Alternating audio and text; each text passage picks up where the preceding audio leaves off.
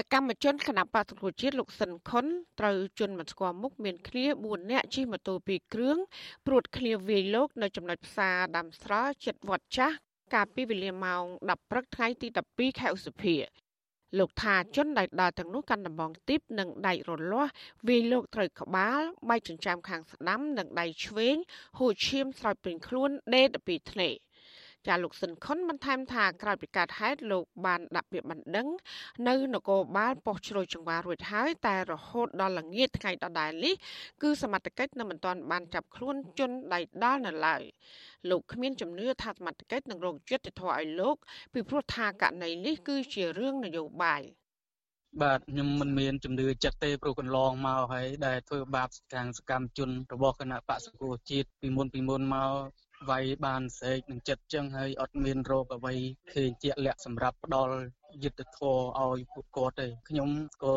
ជាជនរងគ្រោះនៃការវាយដោយមិនដឹងមូលហេតុនឹងដែរបងអានឹងចឹងអញ្ចឹងខ្ញុំអត់មានជំនឿទេទៅលើប្រព័ន្ធតឡាការនិងរដ្ឋបាលរដ្ឋាភិបាល ចាលោកស៊ិនខុនវ័យ31ឆ្នាំគឺជាអ្នកគ្រប់គ្រងគណៈបកសង្គ្រោះជាតិហើយក្រោយពីរបបក្រុងភ្នំពេញរំលែកបកនេះយុវជនរូបនេះតែងតែយកកំណើញមនុស្សធម៌របស់បរដ្ឋខ្មែរនៅក្រៅប្រទេសចែកជូនបរដ្ឋក្រីក្រ ជាពិសេសគឺបរដ្ឋរស់នៅតំបន់បិទគប់ក្នុងរាជធានីភ្នំពេញ។ ចាជំវិញរឿងនេះអ្នកនាំពាក្យស្នងការដ្ឋាននគរបាលរាជធានីភ្នំពេញលោកសានសុកសីហាមានប្រសាសន៍ថាសមត្ថកិច្ចអនុវត្តច្បាប់ជារួមមិនប្រកាន់និន្នាការនយោបាយនោះទេលើសពីនេះលោកថាបញ្ហាសំខាន់ជនរងគ្រោះទៅដាក់ពាក្យបណ្ដឹងមុខសមត្ថកិច្ចដោយត្រូវសហការផ្ដាល់ព័ត៌មានពិស្ដារដើម្បីឈានទៅរកការស្រាវជ្រាវឲ្យបានឆាប់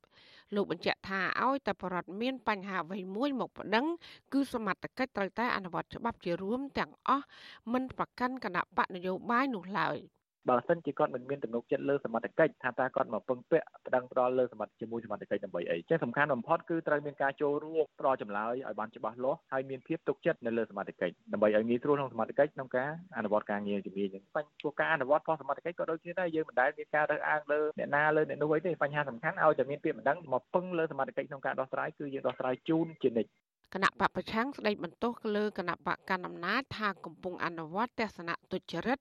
ប្រព្រឹត្តបទអក្រិតធ្វើបាបប្រជាពលរដ្ឋខ្លួនឯងក្នុងនាមខ្លួនជាអ្នកដឹកនាំប្រទេសពួកគេអះអាងថាប្រកាសដែលថ្នាក់ដឹកនាំជាតិប្រើគំនិតទុច្ចរិតដូចនេះមិនសមស្របទៅនឹងអ្វីដែលមានសរសេរក្នុងខ្លឹមសាររដ្ឋធម្មនុញ្ញនោះឡើយ ចាតំណាងរាជគណៈបកសង្គ្រោះជាតិដែលកំពុងរស់នៅ សហរដ្ឋអាមេរិកលោកអ៊ុំសំអានយល់ថាទង្វើនេះគឺជាការរៀបចំជាប្រព័ន្ធដោយគណៈបកកាន់អំណាច ដើម្បីគៀបសង្កត់បំផិតបំភ័យនិងគម្រាមកំហែងលើសកម្មជនបកប្រឆាំងលោកថារដ្ឋាភិបាលលមុំឈប់អនុវត្តទស្សនៈទុច្ចរិតដូចនេះប្រឆាំងនឹងបរដ្ឋខ្លួនឯងហើយងាកមកស្ដារប្រជាធិបតេយ្យឡើងវិញ។ លោកវាបហានេះគឺជាការរៀបចំជាប្រព័ន្ធតែម្ដងដោយគណៈបព្វជិជនដូច្នេះបានជាគេមិនអាចចាប់គ្នាគេមកដើម្បីផ្ដន់ទោសតាមផ្លូវច្បាប់នោះទេ ចាស៊ីស្រីមិនអាចតតងមន្ត្រីនាំពាក្យគណៈបកកាន់អំណាចលោកសុកអេសាន ដើម្បីសាកសួររឿងនេះបាននៅឡើយទេ នៅថ្ងៃទី12ខែឧសភានេះក៏ប៉ុន្តែកន្លងទៅអ្នកនាំពាក្យគណៈបករូបនេះបានលើកឡើងថាគណៈបកប្រជាជនកម្ពុជា បានចិញ្ចឹមឆ្កែសម្រាប់ខំក្បាលក្រុមចៅនិងក្រុមឧទាមក្រៅច្បាប់ ដែលតែងតែមកយាយីបំផ្លាញប្រទេសជាតិ ចាលោកថ្លែងបែបនេះព្រោះក្រុមប្រឆាំងដែលលោកហៅថាជាក្រុមឧទាមក្រៅច្បាប់ បានប្រមាថមកលើរូបលោកចានាយករងទទួលបន្ទុកផ្នែកខ្លំមើលសិទ្ធិមនុស្សនៃអង្គការសិទ្ធិមនុស្សលីកាដូលោកអំសំអាតផ្ដល់អនុសាសន៍ថាអាញាធរត្រូវចាត់វិធានការករណីនេះដោយស៊ើបអង្កេតរកជនដៃដល់មកផ្ដន្ទាទោសតាមច្បាប់ ដើម្បីកាត់បន្ថយការរិះគន់ទាំងឡាយតាក់ទិននឹងការរើសអើងនិន្នាការនយោបាយ លោកថាប្រសិនបើសមត្ថកិច្ចមិនចាត់វិធានការច្បាប់ក្នុងករណីនេះទេ ការរិះគន់ទាំងឡាយក្នុងរឿងធ្វើទុកបុកម្នេញលើសកម្មជនបពប្រឆាំងនោះ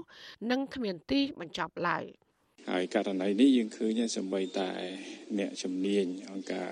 ជាជាតិទទួលបន្ទុកទាក់ទងនឹងបញ្ហាសិទ្ធិមនុស្សរបស់ក្រមរក្សាសិទ្ធិមនុស្សក៏មានការសម្ដែងនៅកង្វល់ដែរចំពោះអំពើហិង្សាកន្លងមកទៅលើអតីត